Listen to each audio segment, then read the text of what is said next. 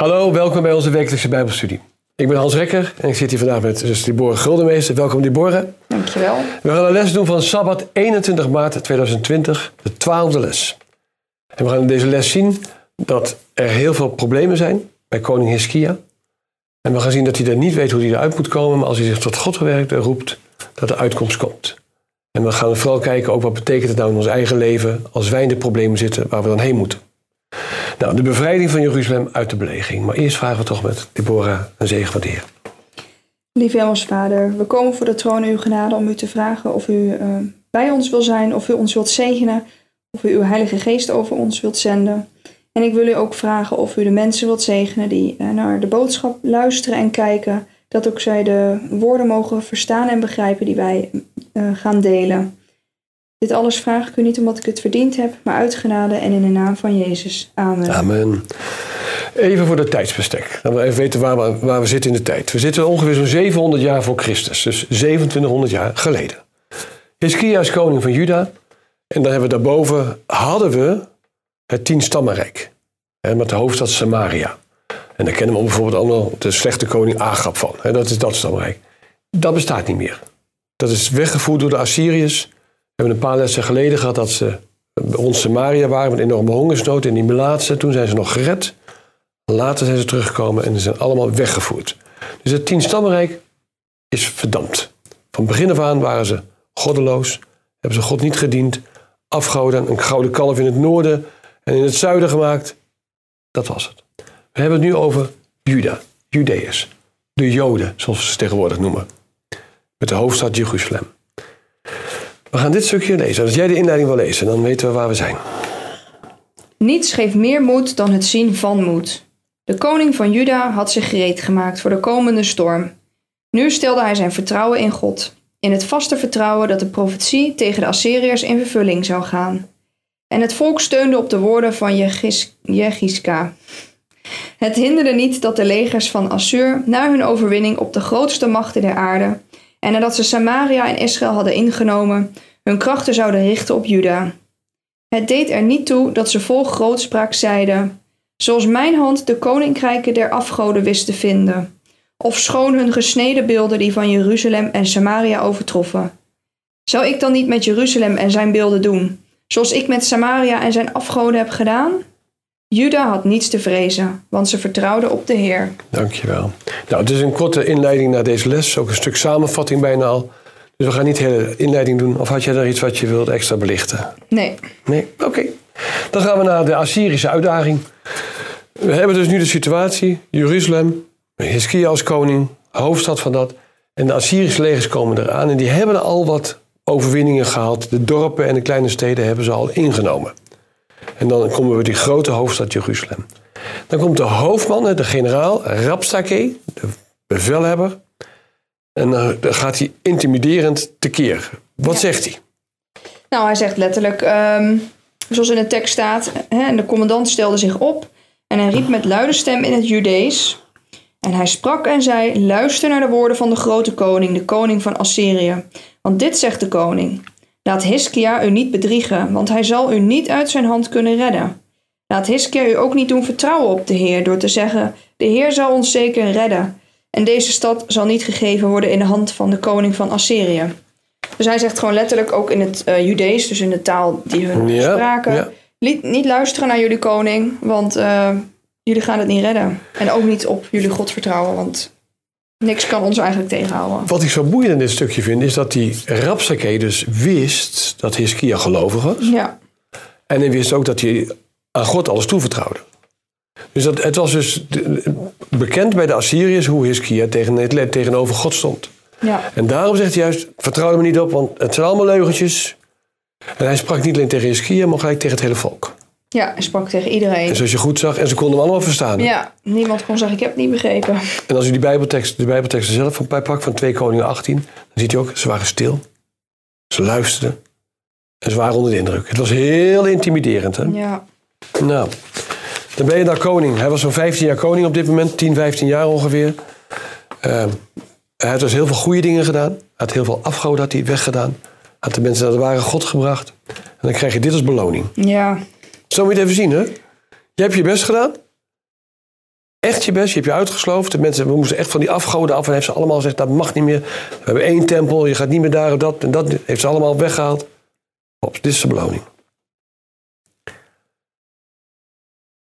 De leiders uit de opmerking, die zeker waren van de overwinning, verdeelden hun macht in twee legers. Het ene zou het Egyptische leger in het zuiden tegemoet trekken, het andere leger Jeruzalem zou belegen. Oké, dus even voor degenen die denken, waarom, waarom staat dit er nou bij? Het zijn tactische overwegingen. Want het Assyrische leger komt uit het oosten en het noorden, komt zo van bovenlangs. Ja. Denk maar aan de Golanhoogte, nog steeds, hè, waar, daar, daar, heb je dat stuk. En Egypte zou namelijk Hiskia kunnen helpen. Dus dat is zo'n groot leger, dat het in twee gesplitst werd. En het- de koning Sanherib die ging dan mee naar het zuiden, dat ze daar niet vonden komen.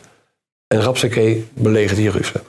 Ja, dat is heel slim. Hebben ze goed over nagedacht. Eh, Menselijk gezien kon de overwinning niet misgaan. Nee, precies. Als God niet in het spel was, dan hadden ze dit wel... eh, De les gaat wat vlug, hè, maar we zien hier dus de eerste keer heeft hij dit gezegd. En ze wachten ze een tijdje en dan komen ze met de volgende boodschap. De tweede vraag.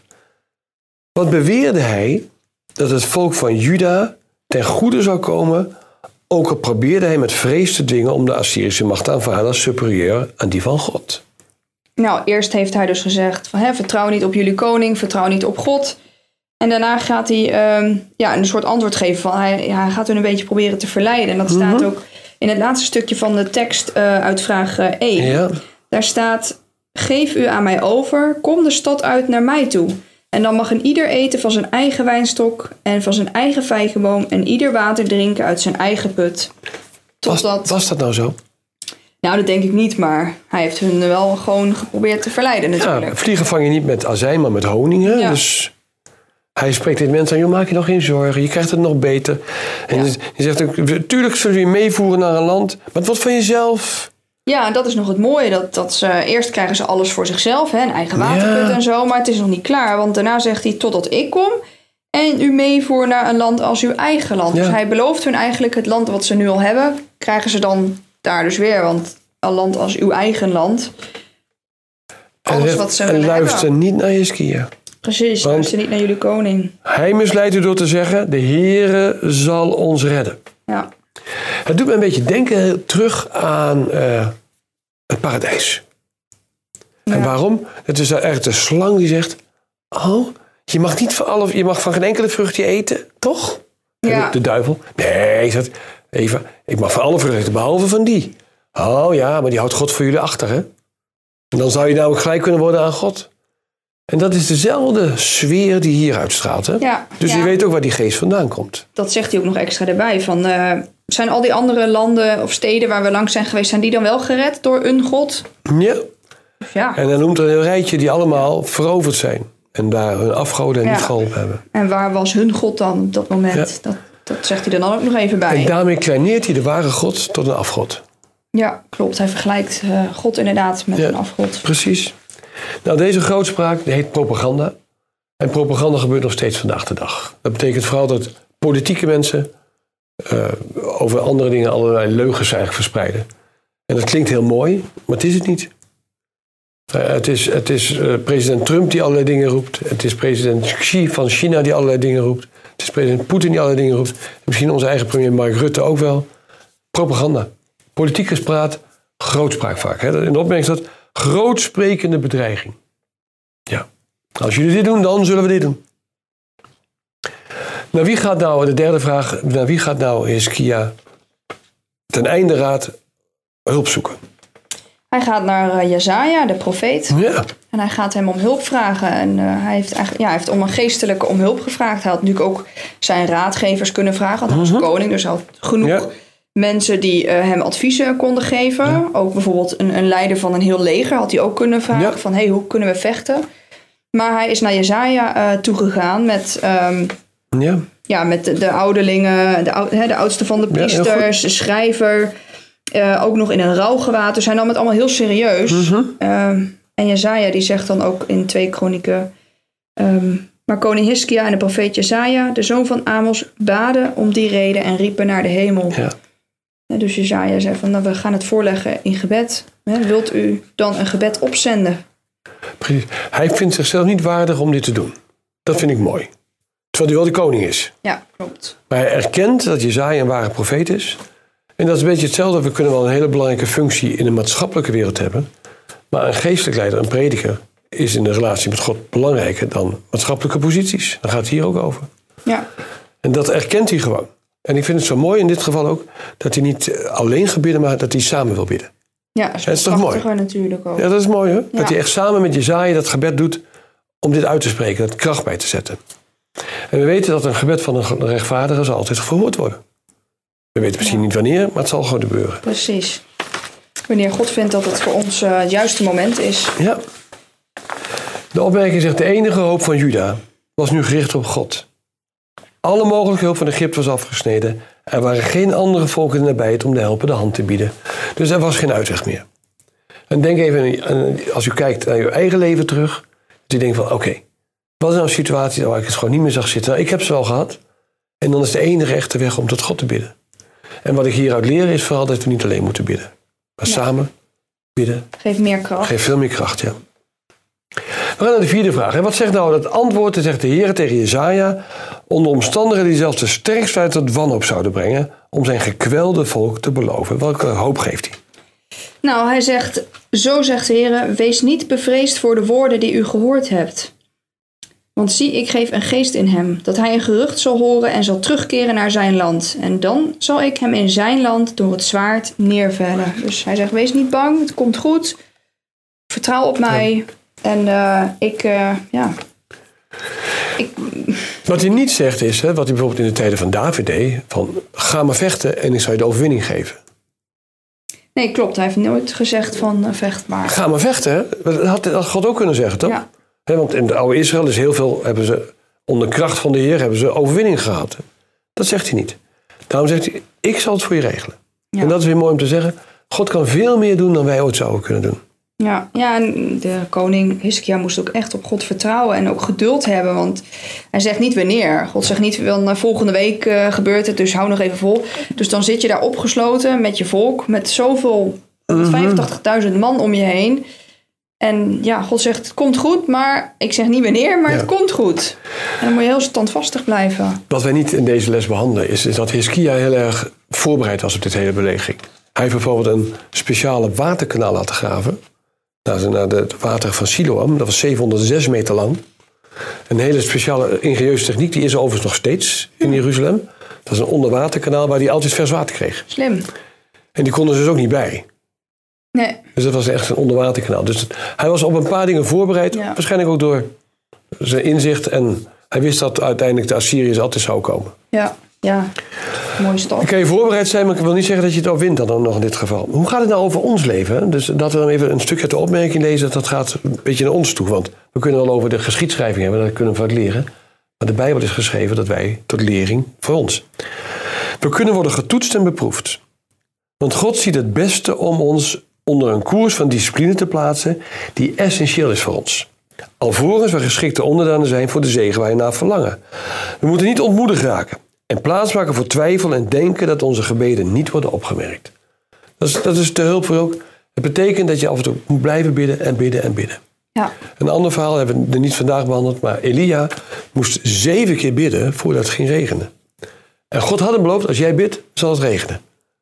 En als hij nou na zes keer opgehouden had, of na vijf keer, dan had het nooit gaan regenen. Dus hij moest tot zeven keer toe bidden, toen kwam het wolkje pas. ja.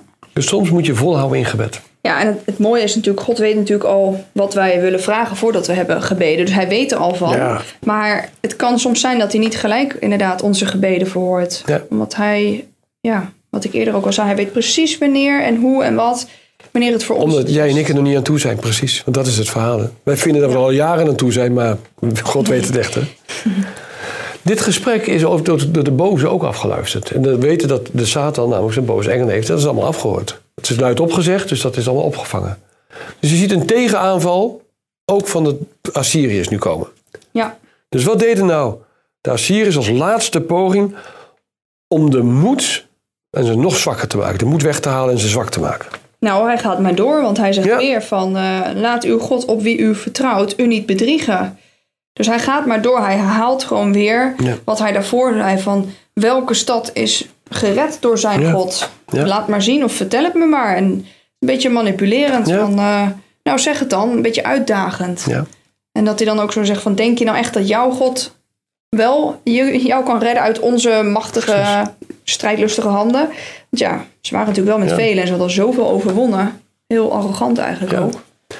We zien in dit geval ook hè, dat ze, de, ze, ze, ze gaan overleggen met de koning. Rapsakee is erbij, maar nu gaan ze overleggen met de koning. Ja, Want dit wordt allemaal teruggekoppeld door die, door die boodschappers aan elkaar.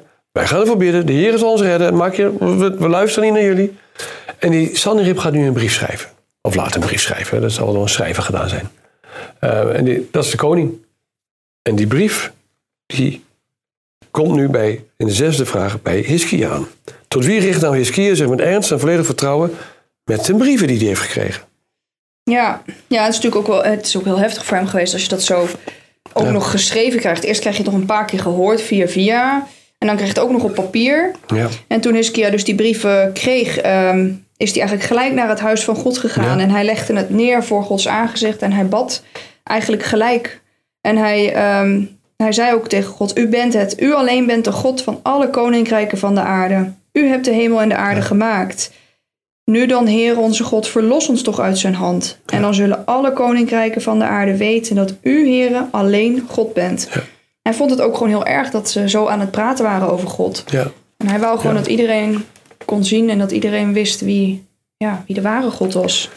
Hij hield niks achter voor God. Nee, Dat vond ik zo mooi. Daarom die hele ware, die, God had die brieven, hij kon ze bijna letterlijk lezen wat hij die gaf. Ja, ja, God wist natuurlijk al Tuurlijk. lang, maar, Maar daar ging het om. Dat was het probleem waar, het om- waar God hem kon helpen. ja. En de tweede van de vraag is ook, wat kunnen wij nou vandaag de dag leren van deze ervaring zo, van Hiskia zo? Nou ja, goed, zijn benadering eh, naar God toe, dat hij zo oprecht eh, tot God bad en Ja. hem ook smeekte, maar ook God eerde. Hè, dat hij zegt, u alleen bent de God. Ja. En dat hij ook heel graag wil dat God zich openbaart, zodat andere mensen ook hem kunnen aanschouwen. En ja, Het was, we hebben net, oprechtheid precies, we hebben net in de derde vraag gezien dat hij samen met Jezaja aan het bidden was. Dit is de tweede keer dat hij extreem gaat bidden, dat doet hij alleen. En dit is een belangrijk gebed, want hiermee daadwerkelijk zegt de Heer, ik heb u nodig, zonder u kan ik niks. Ja. En zo is het in ons leven af en toe ook, dat we echt moeten bidden, Heer, ik zou het niet weten, los het maar voor me op. U bent een groot God, ik ben een mens, ik weet het gewoon niet meer. En dat staat hier eigenlijk ook. Hè? Ja. Hij bad met een sterk geloof om de hulp van de hemel, opdat de volken der aarde zouden weten dat God, de God van de Hebreeën, nog leefde en heerste. De eer van Jehovah stond op het spel. Alleen hij kon uitkomst brengen. Ja. Het is een prachtig verhaal hoe je dat zo mag zien. Dan gaat God iets beloven. Via Jezaja. Over de Assyrische nederlaag. Welke verzekering gaf nou de Heer aan zijn noodlijdend volk door de profeet Jezaja? Nou, God heeft natuurlijk het gebed van Hezkia gehoord. Ja. En eh, inderdaad, via Jezaja geeft hij een boodschap terug. En dat staat ook in de tekst. Daarom, zo zegt de Heer over de koning van Assyrië. Hij zal deze stad niet binnenkomen, daar geen pijl inschieten, haar met geen schild tegemoet komen en tegen haar geen belegeringsdam opwerpen. Langs de weg waarover hij gekomen is, zal hij terugkeren. Maar deze stad zal hij niet binnenkomen, spreekt de Heer. Want ik zal deze stad beschermen door haar te verlossen, omwille van mijzelf en omwille van David, mijn dienaar. Dat is weer een hele mooie belofte. Wel boeiend dat hij niet zegt omwille van Hiskia. Ja, precies. Ja, omwille van de, ja, zijn, zijn eigen eer natuurlijk en de David. Ja, het was de stad van David. Hè. Daarom, Ja. daarom staat dit geval erin. Nou, wat noemt hij allemaal hier? Het is belangrijk. Het was in die tijd ook als je je moet voorstellen, die had die muur. Dan gingen ze met pijlen zo in een boog overheen schieten. En soms waren er vuurrammen, dat er allemaal vuur in de stad kwam. En als dat niet genoeg was, dan maakten ze een hele dam die steeds hoger werd. Totdat tot de mensen, soldaten zo de, over die dam konden binnenlopen. Dat zal allemaal niet gebeuren, zegt God. Dus ze waren nog in de beginfase van de belegering. En dit zegt God, het gebeurt allemaal niet. Nee. Ja, dit is zo bijzonder, want Hiskia's geloof was gewoon zo ontzettend groot. Omdat hij zit er natuurlijk middenin. Hij heeft die 185.000 man om zich heen met, met zwaarden en, en inderdaad pijl en boog en Ja. alles. En ja, hij zit eigenlijk te wachten op God van help me alsjeblieft, Ja. verlos me. Hij weet nog steeds niet wanneer. Hij weet al wel ietsjes meer, maar hij weet nog steeds niet wanneer. En de opmerking is dat mooi. Hiskia werd niet zonder hoop gelaten. Met andere woorden, Precies. en dat is ook de hoop die wij hebben in het leven. Ja. We weten dat Jezus op een moment weer komt. Wanneer weten we ook niet. Nee. Maar we weten dat hij weer komt om zijn volk op te halen. Ja. Dat is ook de troost die wij hebben. Maar de onzekerheid in tijd is er in onze tijd ook. Ja. Nou gaat het hier wel wat vlugger in dit verhaal. Maar dat is niet alleen het vlugger behandelen, maar ook in het echt is het vlugger gegaan naar deze belofte. Wat was de uitkomst van deze extreme toets dat we nu gehad hebben? Nou, eh, het was inderdaad echt een extreme toets. Ja. Hè, waar we het net over hadden, dat hij zo belegerd was en dat hij dat hele volk natuurlijk ook moest onderhouden. En, nou, en het gebeurde dus in diezelfde nacht dat de engel van de Heren ten strijde trok en in het leger van Assyrië 185.000 man neersloeg. ja. Ja, ze allemaal dood. De engel des Heren. Ja, Eén persoon. Wij geloven dat dit van Jezus is geweest. Die is vaak de engel des Heren in het Oude Testament. En die mensen zijn niet allemaal stuk voor stuk de keel omgesneden. Ze vielen dood. ja, ja, echt neersloeg. Dus dat is inderdaad, ja, dit en dan, de volgende morgen, het waren allemaal dode lichamen. ja, het is echt in diezelfde nacht. Dus dat gebed is heel snel verhoord. Wie is niet dood? De koning van Assyrië, Precies. die eh, was er nog. En waar ging die heen? Nou, die belofte kwam ook uit, want dat had eh, God natuurlijk ook eh, beloofd, hè, een paar Ja. vragen terug. Ja. Staat in de tekst, hij trok weg en keerde naar zijn land terug en hij bleef in Nineveh. Het gebeurde nu toen hij zich in het huis van Nisroch, zijn god, Ja. neerboog, dat Adremelech en Sarezer, zijn zonen, hem met het zwaard doden. Precies. Dus ja, Dus hij zocht zijn heil bij zijn afgod. Zat dichter op zijn knieën en dan komen die twee zonen en die steken hem ja, dood. ja. Vermoord door je eigen kinderen. Zoals de profetie. Hij zal door het zwaard daar sterven. Ja, en het is eigenlijk wel een beetje bijzonder ook dat... Nou ja, ik vind het eigenlijk wel, eh, wel mooi dat Ja. hij eerst heet het loopt te roepen van... Nou, waar is jouw God dan? eh, die jou gaat beschermen. En daarna wordt hij voor zijn eigen God neergestoken. En dan kun je eigenlijk zeggen van... Nou, waar bijna was, humor, hè? Het is bijna humor, hè? Waar was jouw God dan? Ja, ja. Zit hij eerst God zo uit te dagen. En dan... Dat, vond, ja, dat viel me net op van ja, dat, Dat dode beeld kon hem niet redden. precies. Ja. Dat, eh, Ik wil even een klein stukje, dan gaan we even naar wat het betekenis voor ons is, uit de opmerking lezen. Want het was niet alleen koning Hiskia die zoveel groot geloof had. Het laatste stuk van de opmerking. In Jeruzalem waren de harten van het volk vervuld met heilige vreugde. Hun ernstige smeking om redding ging gepaard met beleiden van zonde met vele tranen. Dus het was niet alleen koning Hiskia. Iedereen beleed zijn zonde.